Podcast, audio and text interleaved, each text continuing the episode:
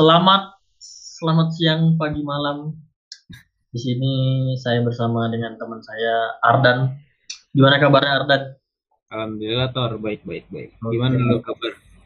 Gue juga baik nih. Gue baru dua hari yang lalu nyampe ke Bandung dan balik ke kehidupan mahasiswa dan untuk menyelesaikan tugas kewajiban sebagai mahasiswa sih. Iya Pak. Sibuk banget ya kayaknya. Biasa, biasa aja sih. Sibuk. Sesibuk-sibuknya kita kita menyempatkan waktu pagi itu menonton playoff. Kebetulan di playoff pagi ini ini tanggal berapa nih? Tanggal Eh, 4. 3 Juni. Oh tiga ya tiga. 3 Udah Juni dua dua tim favorit gua Clippers sama Lakers sama Lakers sama New York Knicks kalah pak aduh New York Knicks sudah gugur dan Clippers ditekan 3-2 sama Dallas Mavericks Ngomongin kecewa Knicks dulu kali ya. Nih, Knicks tuh sebenarnya bagus ya. Secara eh, pemilihan pemainnya itu tuh komposisinya tuh eh, rata lah itu. Dari small small ballnya, dari big man-nya, big man bagus-bagus tuh. Ada siapa ya Robinson tuh. Robinson Randall sebenarnya Randall tuh menurut gua eh, dia harus bisa ngurangin ini sih ngurangin ego kali ya bisa dibilang. Iya sih karena dia kan emang di New Knicks ibaratnya jadi frontman-nya kan. Sama RJ dia- emang dia jadi heeh, pemain paling bagus lah bisa dibilang di sana ya. Iya. Karena dia juga menangin MVP juga kan sekarang.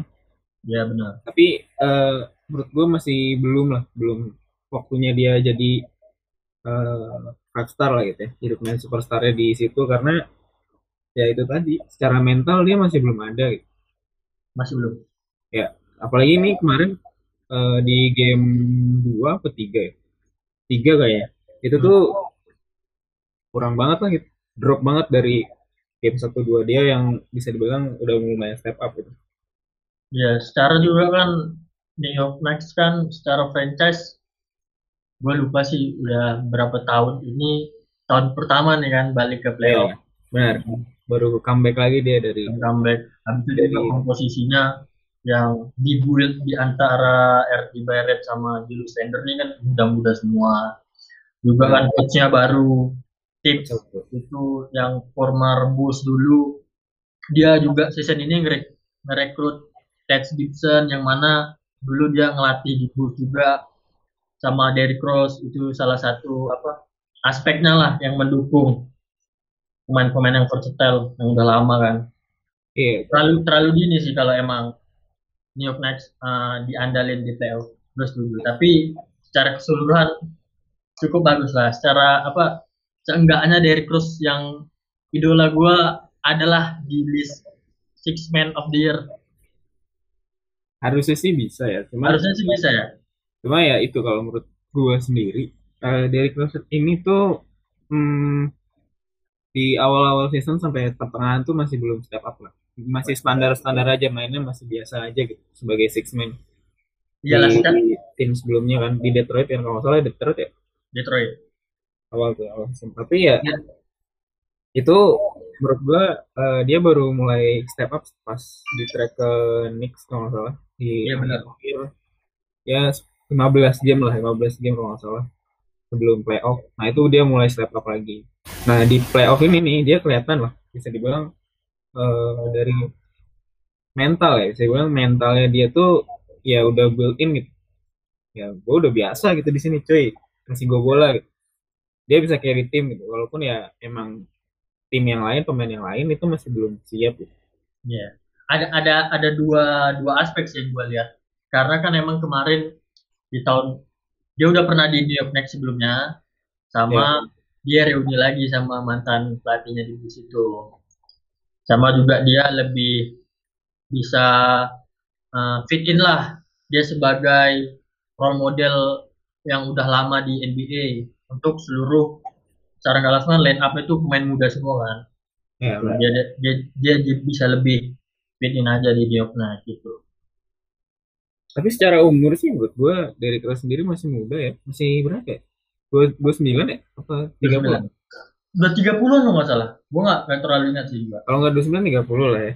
Tapi ya itu maksud gue dia udah salah satu main senior juga lah ya. Terus juga ditemenin sama Touch Gibson juga tuh. Uh, dia lumayan bagus sih Touch Gibson kalau menurut gue bilang. Emang tektokannya masih kayak dulu pak, masih screen double teamnya, eh double team. Masih main screen roll on. Ya, masih kelihatan ya. banget kalau udah ada Dulu masih, kelihatan dari kayak sama kayak yang dulu. Cuman ya Iya. menurut gua eh, apa ya? Eh, komposisi timnya masih belum bisa dibilang bagus banget karena ya dibilang dari pengalaman sih menurut gua. Kalau secara eh, cara main udah bisa lah ya bisa. Walaupun tahun ini udah keluar gitu kan. Bisa. Ya mungkin Chemistry chemistry kan terlalu dini kalau dia Iya. main. masih terlalu dini ya satu dua, satu dua tahun lagi lah baru bisa dua tahun lagi. asal konsisten aja sih kalau menurut gua Tapi kita nggak tahu juga nih ya dari cross free agency kan season besok Iya, tapi Nah. kemungkinan gue sih dipertahanin sih Iya, kalau dipertahanin. lihat kayak gitu mainnya. ya benar.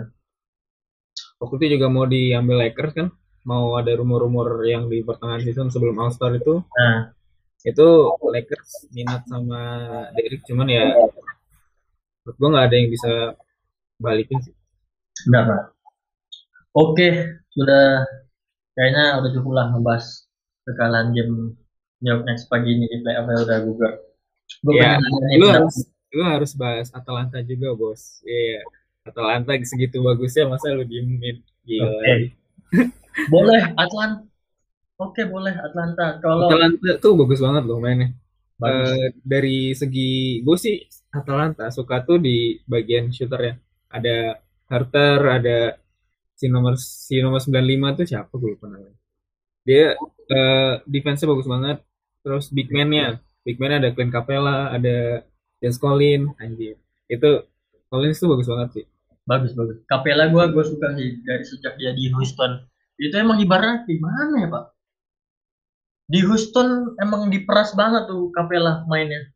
Tapi Tapi di gua- Houston dia nggak kelihatan karena eh, ketutup sama eh, mainnya ISO-nya si Harden kan. Iya. iya.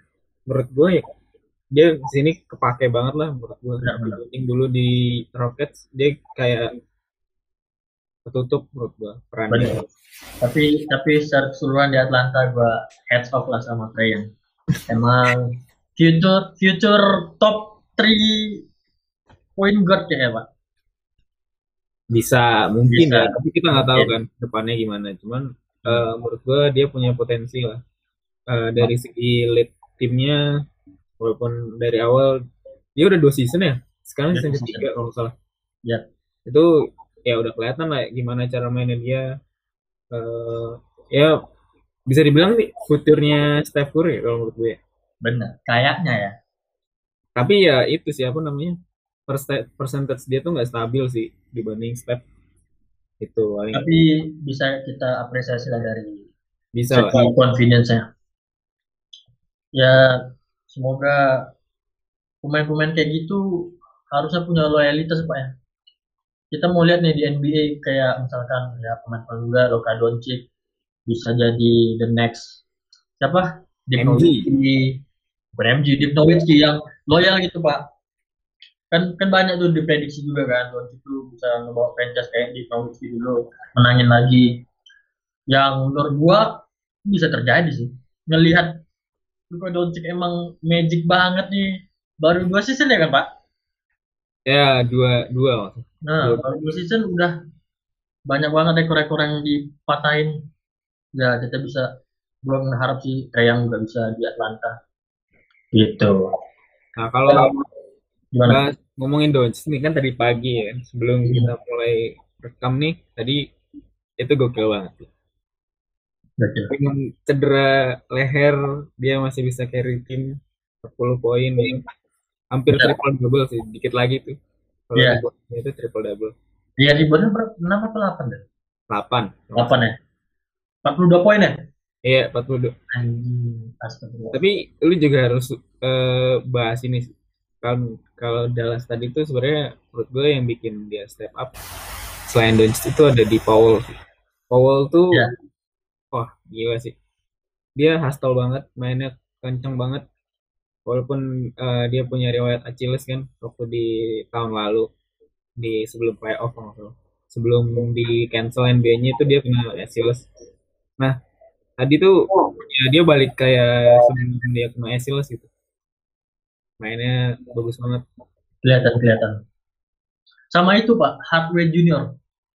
Itu Hardway yang terakhir kan? Wah. Uh, itu juga mainnya ngotot banget pak Iya. Kelihatan, kelihatan. Dia putbacknya dapet. Kelihatan sih motornya. Bagus. Emang ya nggak salah sih menang game ketiga, game kelima. Game kelima. Ya, tapi yang menurut gue yang jadi masalah ya, yang bisa ngejegal Dallas buat game keenam nanti kalau misal mereka pengen langsung go to the next series, itu dia kurang di KP. KP itu harus harus step up menurut gue. Iya sih. Tapi dari 4-5 game ini ya gue biasa aja gitu. Takut di pen, main diem-diem aja. Kurang hasil pak ya. Kenapa? Kelihatan kurang kurang hasilnya. Iya, hasilnya kurang banget. Bang. Dia sebagai big man tuh harusnya berani gitu. Dia postur gede, tinggi. Ya walaupun cungkring ya. Tapi yang menurut gue harus yeah. berani lah. Tapi kayaknya di dalam hati dia juga ingin menang lah Pak. Soalnya kan lawan mantan tim udah lama ngebesarin nama dia kan. Pasti menurut gua sih. Karena ada efek bolak-balik cederanya itu Pak mungkin ya. ya, Mungkin itu sih. Cuma yang jadi dia trauma karena menurut gue ya harus berkembang sih. Karena itu pemain yang salah satu jadi rookie terpandang juga tuh waktu yeah. awal-awal dia masuk di Knicks. Nah ya, gue ya itu sih yang jadi PR Dallas di posisinya KP itu nggak bagus-bagus amat gitu center di situ. Selain KP sama Boban ya. Boban aja tadi jadi beban juga tuh. Iya. Yeah. dia masuk defense, defense yang shooternya dari Clippers pada open shot semua, masuk masuk yeah. masuk masuk. Boban tuh gimana bilang? Dia emang power aja itu pak. Di tengah. Iya. Kan beberapa kali tuh poinnya tuh mismatch aja terus Uban iya poinnya dari free throw terus juga dia ngambil dari rebound dapat yeah. second chance gitu aja terus poinnya dia. Cuma ya menurut gue sih ya selayaknya sebagai big man mainnya kayak gitu lah menurut gue wajar gitu. Dengan postur 7,3 ya. 7 feet 7 Oke. Okay. cukup lah ya kita ngebahas Clippers lawan Atlanta. Kemudian New York Knicks. Eh, kebalik. Clippers lawan Dallas. New York Knicks yang lawan Atlanta Hawks. Sekarang gue mau nanya, what happened to Miami? Miami ya? Aduh, gue gak ngerti sih, Thor. Aduh. Miami ini bagus. Sebenarnya Eh, nggak uh, bagus sih gue bilang. Di game pertama yang lawan Bucks itu sebenarnya uh, solid lah bisa bilang ya. Nggak bagus. Dia defense. Offense-nya ya sosok lah gitu. Nggak bagus-bagus amat. Tapi defense-nya bisa nge nahan Giannis tuh waktu di game pertama. Tapi setelah itu di game 2, 3, 4 ke mana gitu pemain-pemain bagusnya ke mana gue juga, gue juga jujur ya nggak nggak kelihatan tuh di highlight Miami. Nggak kayak season kemarin di misalkan highlight banyak banget Miami gini iya kayak Tyler Hero. Ya itu nggak nggak nggak step up gitu mainnya ya gitu-gitu aja. Karena ya menurut gue ya dia bisa dibilang sekarang udah overrated sih. Benar benar nggak nggak sebagus dulu. Udah terus juga si Goran Dragic. Sudah. Nggak nggak ada harapan lain nggak ada yang ganti kayak gitu kan. Masalahnya pos dia tuh vital banget sih kalau gue bilang di hit.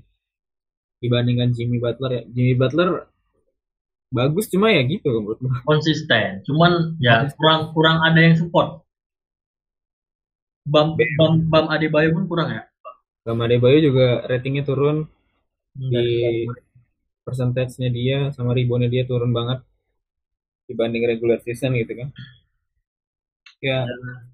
Terus juga lawannya Bucks gitu. Ya walaupun di uh, di media-media gede orang-orang mikir kalau Heat bakal bisa hold Bucks ke game 7 gitu. Cuman ya menurut gua nah dari awal ya, dari awal gue prediksi kalau udah bracketnya udah keluar eh, nggak uh, bisa sih menurut gua karena ya baik lagi di regular season pun Bucks Bucks sudah kayak gila-gilaan kan. Bagus, bagus banget. Dia, dia hanya emang kayaknya nggak bakalan bisa jadi manusia biasa pak kalau belum menang champion dia dia monster dia, terus menurut gua nggak layak kalau lu dia bisa dibilang uh, walaupun dia back to back back to back kan yeah. masalah back to back yeah. MVP tapi uh, mental dia tuh di dua season terakhir masih kurang banget tuh bisa. Benar. Yang kalah sama Miami Heat lah. Iya. Yeah. Terus kalah sama Raptors di game eh sama Raptors ya, sama Sixers, sama Sixers. Sama Sixers sama eh sama Raptors apa Sixers ya gue lupa yang dua tahun yang lalu kalau nggak salah kalau nggak Raptors nih Sixers lah itu yang bisa kebalik gitu kan aneh banget nggak mentalnya mereka tuh masih belum jadi loh. Kalau Giannis. Ya benar. Deserve banget sih. Dia yeah. itu dapat dapat dapat motivasi dari sana dari Kobe. Dia disuruh setelah menangin MVP harus sering nggak tahu juga banyak bapak yang ngasih-ngasih apa saran-saran ke Giannis. Oke gue lanjut nanya nih pak X factor dari tim calon juara playoff 2021 Gimana? Oke, kalau dari sekarang ya, kalau misal lu bisa lihat, sebenarnya uh, gue punya beberapa tim sih, beberapa tim yang gue anggap bisa juara gitu. Okay. Kalau dari Is sendiri nih dari wilayah Is sendiri kalau gue bilang ada dua tim. Siapa tuh? Sebenarnya tiga sih, antara Bucks, Nets, sama Sixers. Tapi uh, kalau dari gue sendiri sih kemungkinan besar yang masuk hmm, Bucks lawan Sixers sih ya. Kalau gue bilang kalau yang bisa di East uh, final karena uh, Nets sebenarnya dia punya uh, offense yang bagus ya. Defense itu di di Harden sebenarnya kalau menurut yeah. gue. X factor dia bukan di KD, bukan di Kyrie tapi di Harden. Karena yang uh, lebih konsisten buat scoring, buat assist itu dia gitu. Di Harden ini tapi uh, kekurangan dari Nets itu ya defense. Udah kita nggak akan bisa nutupin lah. Terlalu rata kanan offense ya pak? Iya terlalu ke sana gitu. Iya. Uh, menurut gue ya salah juga sih. Gak salah sih sebenarnya. Kayak sebenarnya dia mirip uh, GSW tahun yang juara pertama itu loh pertama kali 2014 atau 2015. Iya yeah, benar. Itu kan uh, defense mereka nggak nggak begitu bagus, cuman offense rating dia bagus banget gitu GSW itu. Cuman ya itu kalau sekarang buat Nets menurut gue kurang banget karena defense yang mereka ya paling sih Jeff Green. Yeah. Jeff Green juga gitu.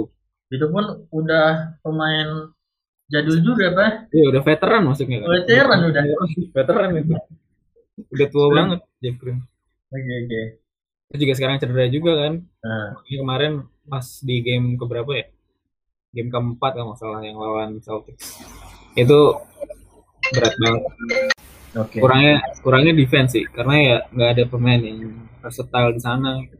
Iya, tapi tapi jujur ya dari dari gua sendiri ya, walaupun gua nggak terlalu suka sama net sama pemain-pemain suka nih James Harden kita pernah suka All Star, Durant, Kyrie. Gue pengen ngeliat sih di final emang. Itu sesuai dengan harapan setiap pecinta basket lah. Ngelihat udah paling rata kanan offense maksudnya masuk final sih. Gitu. Kalau nggak sampai masuk final sih dihujat sih. Oh ya. Iya, pasti ya. Apalagi Steve Nash kan.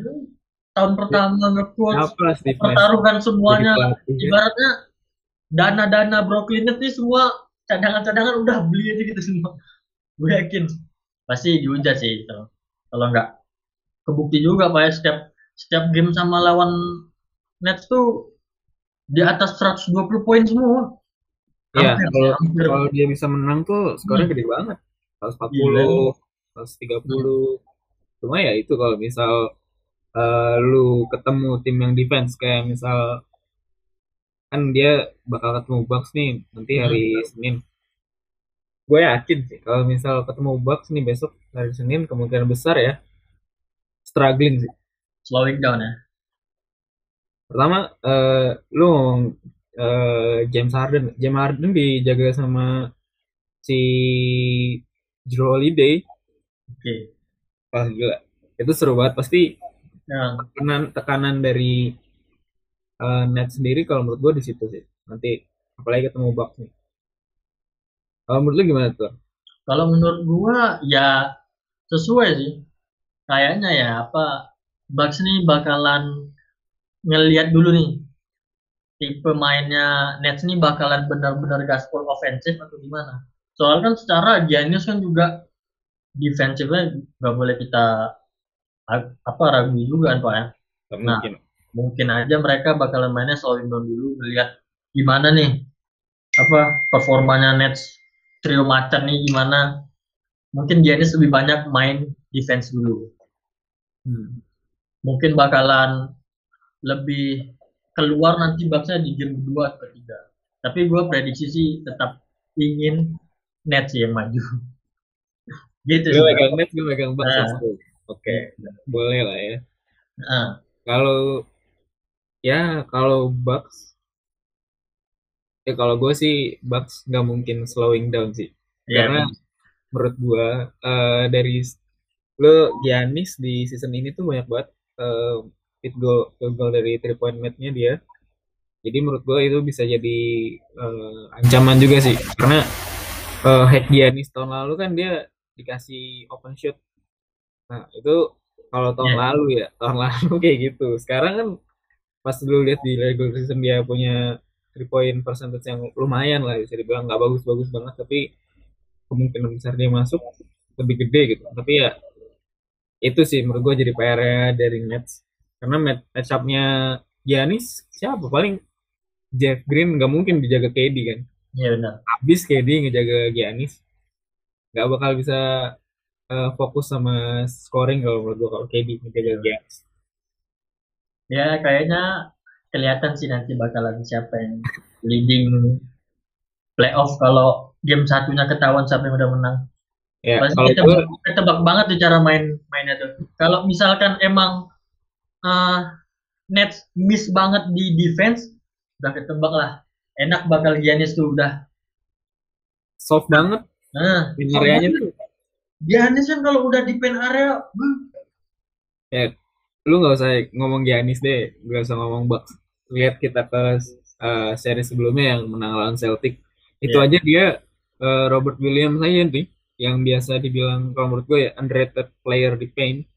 Dia bisa kayak gitu mainnya, bisa blocking, gampang banget ngeblok mereka, terus juga di paint tinggal close shooting doang atau layup gitu yeah. sampai si Jason aja bisa kayak gitu gitu okay. yang menurut gue makanya kenapa uh, Nets nanti bakal susah banget.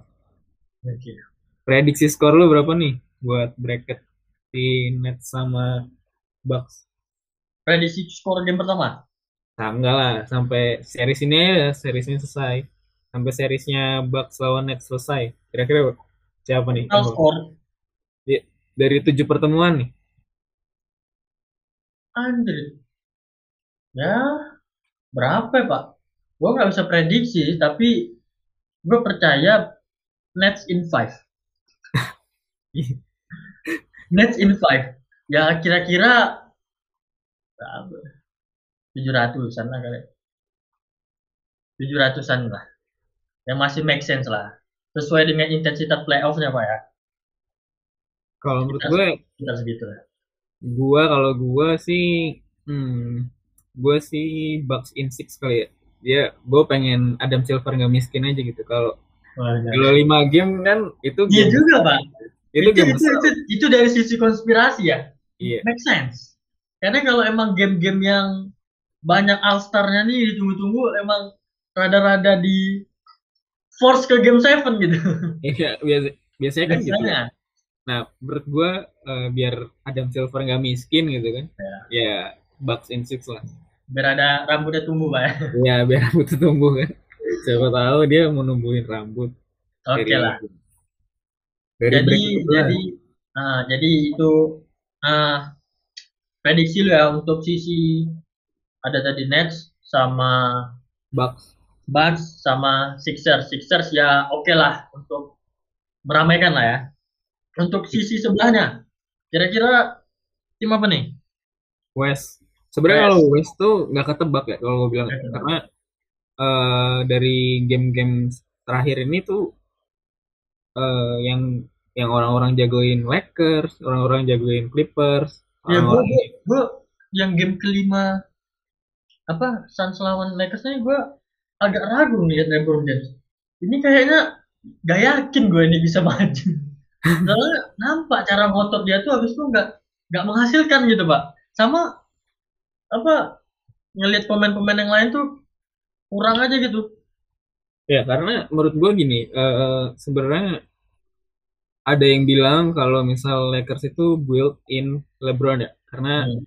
eh, dia ngebangun tim berdasarkan keinginan LeBron. Tapi Ya. eh, baik lagi, eh, menurut gue sisi positif dari tim itu tuh menurut gue bukan di LeBron, karena LeBron sendiri akhir-akhir dua tahun tiga tahun ini kan dia lebih ke sebagai playmaker gitu ya, bukan jadi scorer utama kecuali eh, dia benar-benar di, di tahun berapa ya 2000 terakhir Golden State lawan Cavaliers tahun berapa ya 18 kalau nggak salah ya. 2018 2018 nah itu dia masih bisa gitu nge skor gede gitu. tapi setelah itu ya LeBron menurut gue so-so gitu. nggak bisa eh, terlalu banyak scoring gitu. Walaupun dia udah memperbaiki three point percentage dia ya tapi menurut gue dia nggak nggak bisa eh, hard carry timnya lagi sih menurut gue di mana AD juga akhir-akhir ini jelek kok mainnya. Emang umur never lie Pak. ya benar. Umur never lie. Terus juga ya gue rada nggak suka sih sebenarnya sama sikap LeBron atau tim-tim yang punya All Star ya atau superstar yang terlalu megang ini banget lah. Kendali tim lah ya. Terus juga ini loh apa namanya sekarang banyak flop flopping gak jelas gitu. Terus iya. LeBron sering banget kan kayak gitu kan? Sering. Nah, tapi yang yang yang lucunya selalu di highlight dapat terus flopping dia tuh. Iya selalu dapat dapat superstar ya. Dapat fall terus walaupun Nah, ya menurut gue itu flop gitu. Wow. ya kalau itu sih kalau dari West menurut gue yang kemungkinan bisa ya bisa naik ke final sih hmm, gue megang siapa ya? Bingung juga gue nggak ada yang bagus bagus banget sih sebenarnya. Iya rata semua pak ya. Ya balance semuanya sama gitu menurut gue Kom- punya kemungkinan yang sama tapi gue kalau misal Doncic bisa sehat nih ya Doncic bisa menang nih lawan Clippers besok di game 6 ya gue bisa lah megang Mavericks. Jangan gitulah Clippers di Seven pak. Ya. Gue pengen banget Kawhi dapetin tiga ring pak. Kawhi. Toronto Clippers join dia sama LeBron. Elite ya kalau gitu menurut gue sih ya Kawhi masih Iya sih.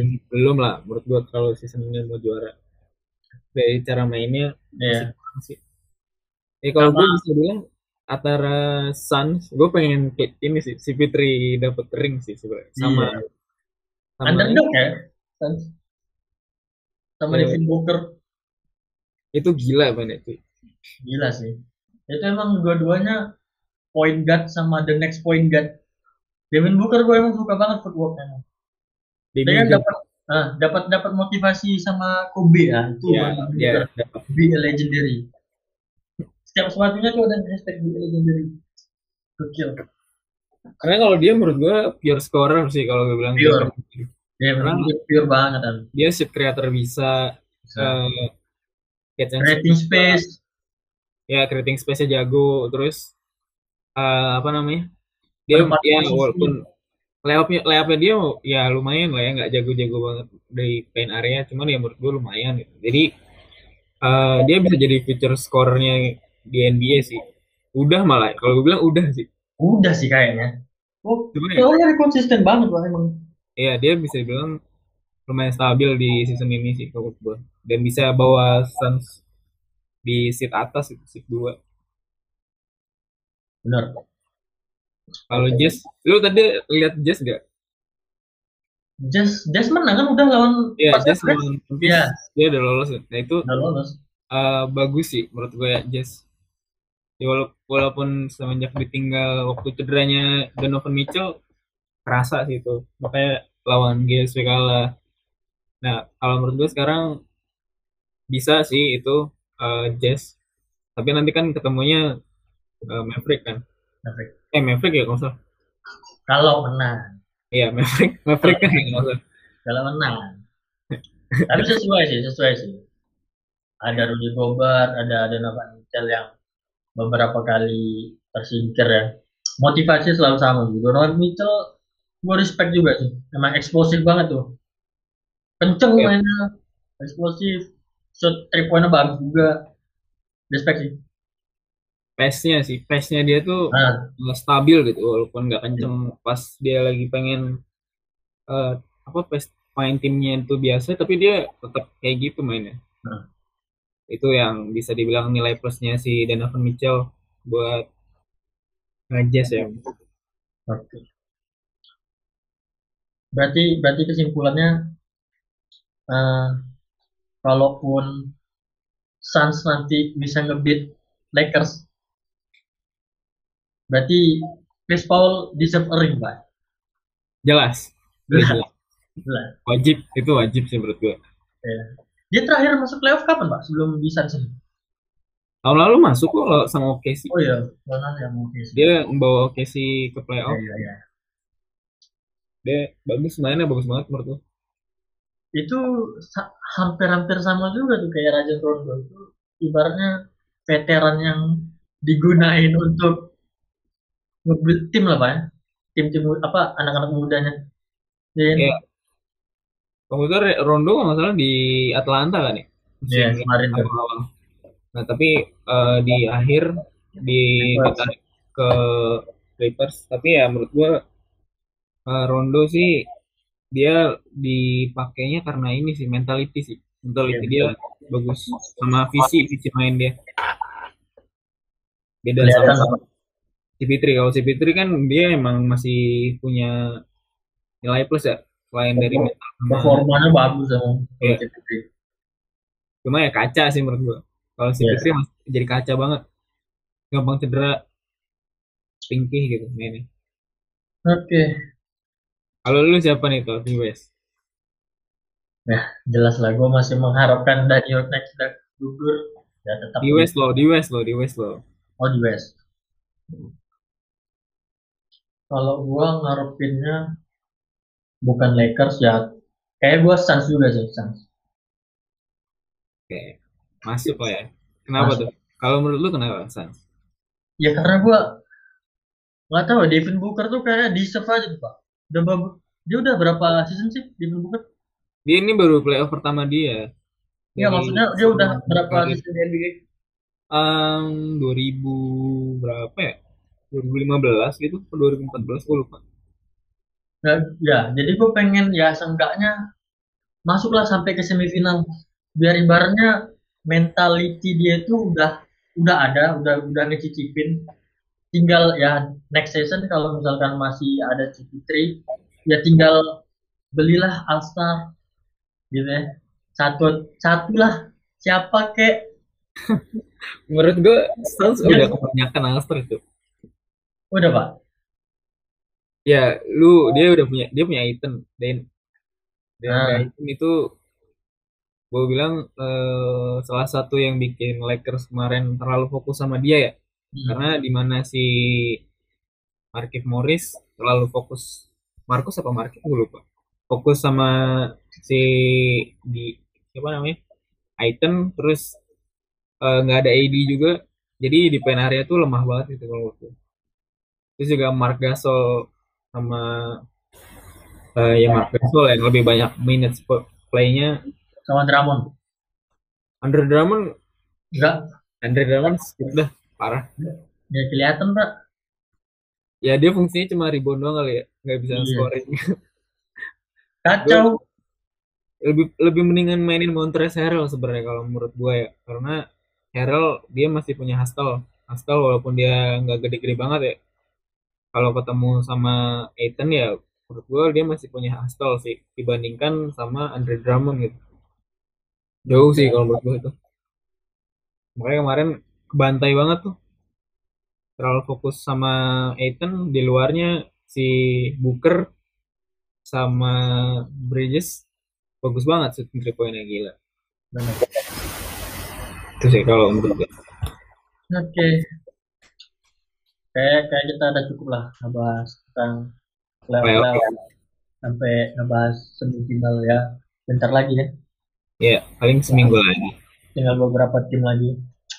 Nah, kayaknya ini gua ngebahas poin poin satu gua ntar kelamaan lagi. Kayak kita selesain aja nih apa yang sekarang eh, tentang season kali ini aja. Gimana? boleh lah boleh Berarti poin lu semua. ya udah deh Bu. Gak apa ya udah nggak apa nggak apa. Oke. Lanjut nih, gue nanya nih. Ngomongin tentang award di regular season sek- sekarang. Gimana kira-kira Pak? Eh, award sendiri sih kalau menurut gue kan eh, yang eh, yang paling kelihatan yang sekarang udah kelihatan atau udah diumumin kan udah MVP sama eh, Six Man ya kalau nggak salah ya. Nah, eh, menurut gua kalau dari yang lain kayak misal MVP, Rookie of the Year atau Coach of the Year, menurut gua yang paling mencolok sih ada di Rookie of the Year sama di eh, MVP ya. Ya. Kalau menurut gua karena kalau Defensive Player of the Year udah, udah jelas lah gitu. Rudy Gobert itu udah udah bagus banget. Gue gue kurang sih mantau defensive player. Rudy Gobert ya Pak? Kalau gua sih udah fix itu Rudy Gobert udah udah fix harusnya juara di Defensive Player of the Year ya. Tapi kalau dari yang lain kalau MVP kan tuh ada Jokic, Embiid sama Curry kan. Step lah udah jelas Pak. udah comeback gitu. Cuma masalahnya kalau menurut gue ya kalau misal step juara step em, step itu emang layak menurut gue ya. Layak. Cuman eh, dari impact ke Jokic. yang lain ya faktor yang lain dan dia bisa bawa timnya ke playoff gitu menurut gue bisa sampai di standing atas ya lumayan itu ya menurut gue antara Jokic sama Embiid sih yang lebih layak gitu. karena ya eh, Jokic itu emang nggak begitu bagus di scoring karena eh, dia emang bukan pure scorer tapi lebih ke eh, playmaking big man gitu. Di mana eh, asisnya tuh tinggi banget anjir dari segi dari buat pemain big man 8, 9, 10, belasan main kayak gitu terus ya makanya menurut gue tapi agak kurang setelah ditinggal Jamal Murray sih kalau gue bilang Jamal Murray cedera apa? Cedera apa ya? gue nggak lupa sih gue cedera apa deh kalau nggak salah Sayang Tapi- banget. itu 15 game lah ada lah. 15 belasan game ada lah eh, Jamal Murray cedera nah itu dia sama si ini sih MPG gitu. Jadi ya walaupun emang eh, nggak bisa ngangkat banget lah dari segi poin kalau menurut gue tapi Jokic tetap deserve sih. Harusnya Jokic kalau nggak mentingin rating ya. Ya. kalau Tapi mentingin- tapi gue nggak tahu nggak tahu juga sih. Ini sebenarnya berdasarkan apa setelah gue lama ya buka NBA gue gue masih belum ngerti sebenarnya pemilihan MVP ini berdasarkan apa lu tau pak Kalau MVP sendiri kalau yang gue tahu ya, eh, yang gue baca-baca juga dan gue sering dengerin dengerin podcast podcast basket ya. Eh, MVP sebenarnya dilihat dari eh, value dia sih, value dia pertama, value dia di tim, apakah impactnya gede atau enggak. Terus eh, statistik, statistik nggak bisa bohong lah. gitu. benar Statistik dia di game eh, pas dia main kayak gimana. Terus juga eh, yang terakhir paling penting itu adalah eh, standing team. Sama Ya, ya. ini eh, berapa sih jumlah superstar yang ada di tim lu?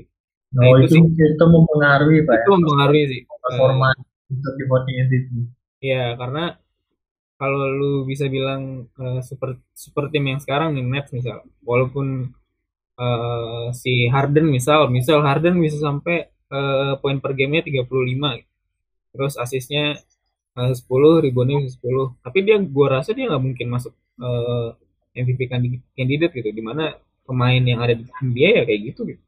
Ada KD ada Kyrie. Nah, udah enak play tiga ya, tinggal tinggal buka ruang aja kan maksudnya. Nah itu hmm. makanya uh, itu juga ngaruh dari segi uh, tim dia di dalamnya ada pemain siapa aja Tuh. Terus yang terakhir itu uh, pemilihannya ada voting sih, voting media. Voting media. Ya, yeah, yeah. voting media itu kalau nggak salah tuh ada. Uh, makanya menurut gua ada dua hal di sini. Kemungkinan yang bisa jadi MVP award ya, yang menang MVP award antara Jokic atau uh, kalau misal mil mikirinnya tentang uh, fenomena atau ya nyari traffic ya bisa Curry sama Embiid bisa. Nah, bola. Itu. Embiid Embiid emang fenomenalnya salah satu. Iya itu gila. Kontroversial juga. kontroversial. Apalagi yang masalah sama Westbrook pak. Ya itu rada rada rada panjang ya. Yeah. Sampai uh, sekarang juga masih kayaknya masih Oke, kalau apa setelah membahas tentang deserve MVP, uh, tentang ini sindiran Dem kekuri tentang MVP conversation. Uh, itu jadi kan lu mungkin lu harus lu tahu lah ya kalau. Enggak, sumpah gua, gua belum tahu. Sindiran oh. di Twitter. Uh, dia tuh gue lupa di mana dia ngomongnya tapi uh, itu diungkit sama banyak media sih di hmm. US uh, jadi uh, Dem itu bilang kalau misalkan sebenarnya gue ini di season lalu punya uh, stat yang bisa bilang mirip-mirip sama si Step ini nih. Okay. Uh, secara uh, dia poin per game kalau nggak salah dia 31 atau 30 gitu. Terus uh, asisnya lebih bagus dari Curry di 6 apa 7 gue lupa. Terus uh, reboundnya di bawah Curry dikit. Tapi dengan uh, 3 point yang uh, lebih rendah sedikit. Nggak banyak nggak nggak beda jauh lah bisa bilang gitu ya. Nah dia bilang kalau misal pada saat itu gue nggak ada dimasukin ke uh, MVP conversation gitu. Uh, padahal gue memiliki stats yang bisa dibilang mirip sama si kata dia gitu. Nah makanya dia bilang menurut gue uh, dengan seat yang sama antara Dem waktu 2000 berapa ya? 2008 2020 atau 2019 gue lupa. Itu hmm. uh, dia nggak nggak masuk. Yang kan sekarang Curry di seat 8 dia masuk.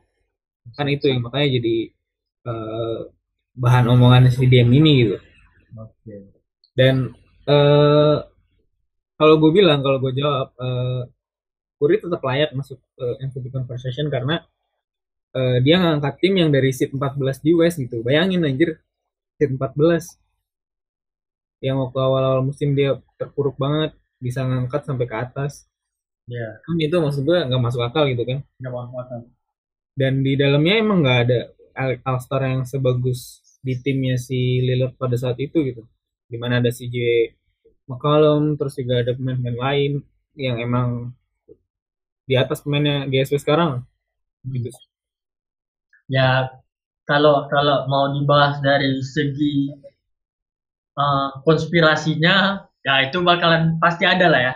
Ada. Secara, secara NBA sekarang beberapa tahun ke belakang emang cara bermainnya emang three point banget udah berubah udah banyak lah dikeluhin sama ya veteran-veteran yang ya gitulah.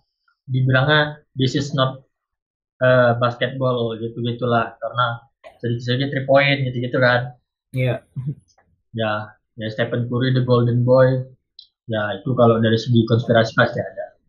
Ya kalau dari pernyataan Damian Lillard sendiri yang gue jujur ya baru tahu nih masalah gini. Ya wajar sih menurut gue dia kayak gitu. Secara dari historis ya kita lihat dia dia di Portland sendiri bisa dibilang tragis lah pak. Iya benar. Track recordnya udah berapa kali playoff tapi gugurnya karena gitu lagi gitu lagi. Ya wajar sih. Itu mungkin salah satu bentuk ungkapan kekecewaan dia. Ya itu wajar sih bang menurut gua. Dengan sekelas pemain apa dengan kelasnya dia sebagai pemain di NBA pak. Wajar sih menurut gua ya cuma uh, yang menurut gua ada yang salah sih lebih ke gak ada yang salah sih sebenarnya. Cuman ya menurut gua uh, kalau dibandingin dari tim matchnya atau pemain-pemain yang ada di tim ya emang beda jauh gitu menurut gua kualitasnya. Karena GSW mainnya dari pemain-pemain G yang di garis bawahnya NBA rata-rata pemain dari tim sana. Ya, mereka nggak nggak ada Clay, nggak ada yang, pemain yang centernya itu yang rookie. Ya, yang stay roster dari mereka winning title aja cuma Draymond sama Curry kan, yang iya. ada. Clay, Clay aja cedera ya, dari dua musim yang lalu malah nah. dari 2019 sampai sekarang Achilles hmm. baru bakal main lagi nanti season depan itu makanya dia bilang apa kemarin uh, GSW nggak masuk playoff. Ya udah siap-siap aja season depan. Iya season depan bakal kayaknya gue gue kira satu ya uh, GSW bakal bagus di kalau dia bisa ngambil Kawhi sih. Benar. Itu ada chance menurut gue dia bisa ada. gue gue gue doain sih Kawhi pokoknya kalau nggak Kawhi Derrick Rose gue sebenarnya kalau mas masalah tim-tim favorit ya. Gue nggak nggak nggak ngefavoritin tim sih gue lebih ke ngikutin ke mana pemain idola gue jadi gue berdoa yang terbaik lah. Kalau gue kalau gue juga sebenarnya gue sih sebenarnya eh, demen GSW dari zamannya pas 2000 berapa ya? 2009 atau 2010 saya pas ada Monteles ada uh, Andre Bridlins ah, siapa tuh gue lupa.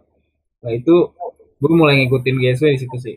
Jadi ya gue nggak expect kalau dia bakal juara. Makanya gue bingung gitu kok bisa masuk playoff bisa sampai final gitu kan pas 2015 kayak emang emang gila sih Curry tiba-tiba jadi kayak three point guard. Yang sebelum-sebelumnya biasa-biasa aja gitu kan sebenarnya dia udah bagus loh. Udah, udah bagus. bagus. Cuman eh, apa ya pas di season 2013 apa 2004 yang awal-awal GSW masuk uh, playoff itu dia masih underrated sih kalau gue bilang. Karena uh, pas mulai masuk Clay itu nah mulai masuk Clay Igi Iguodala masuk mulai ke GSW terus juga ada David Lee itu menurut gue uh, perkembangannya impactnya gede sih. Terus juga Curry Curry kan udah jadi leader lah bisa dibilang CP itu gila sih.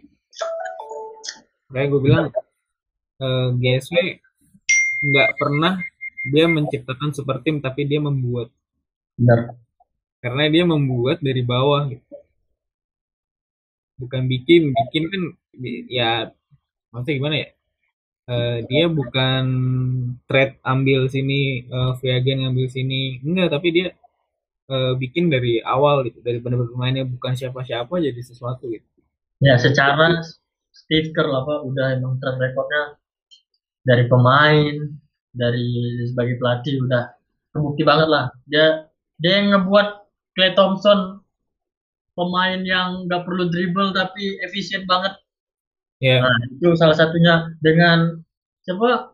Draymond Green yang bisa statnya tuh kocak nol poin. Tapi, tapi asis reboundnya ya mirip-mirip. Kalau bisa gue ngeliat kayak Dennis Rodman lah ya Dennis Rodman masih gini kalau lu, ini ya kalau lu pikir-pikir menurut gue uh, GSW yang yang sebelum ada KD ya yeah. itu tuh uh, replikanya Chicago Bulls aja. Iya. Sebenarnya ya, dia dia dengan tiga All Star yang uh, notabene ya walaupun kalau di Chicago Bulls kan dia emang ngambil dari Detroit kan si siapa namanya? Pemain. Nah, tapi kalau misalnya GSW kan dia nge-create tiga pemain ini jadi bintang. Nah, itu tuh mirip-mirip tuh role-nya. Cuma ya kalau di ya, di Bulls dia punya dua scorer yang lumayan lah walaupun di Jordan sama Scottie Pippen ya. Tapi kalau di GSW uh, ya beda lah walaupun dulu kan mainnya di, di middle range shoot atau di mid area kalau sekarang lebih ke three point atau middle range. Nah itu makanya bisa jadi replika cuma beda di uh, generasi aja sih. Iya. Ya emang si Silver pasti ya nyesuaiin lah dengan generasi NBA sekarang. Bukti itu Clay Thompson yang paling efisien. Splash Brother itu emang udah. Gue tungguin sih emang balik lagi duet Curry sama Clay Thompson. Harus sih, harus. Karena apalagi, itu fun banget man. Nah, apalagi gue nungguin momen second lah. Mereka ngobrol-ngobrol bola udah dua yang ngesut. Apa sih Clay Thompson lagi nih, rupanya kuring ngepecut apa ngepas. Kocak sih ini. Soalnya ya itu saking percayanya kan. Iya, yeah, udah gila. Itu udah ada kayak abang Adel lah kalau kalau dari cuma ya nggak ada belum ada sih nextnya siapa yang bakal jadi best dulu yang PS plus. Oke. Okay. Ada sih.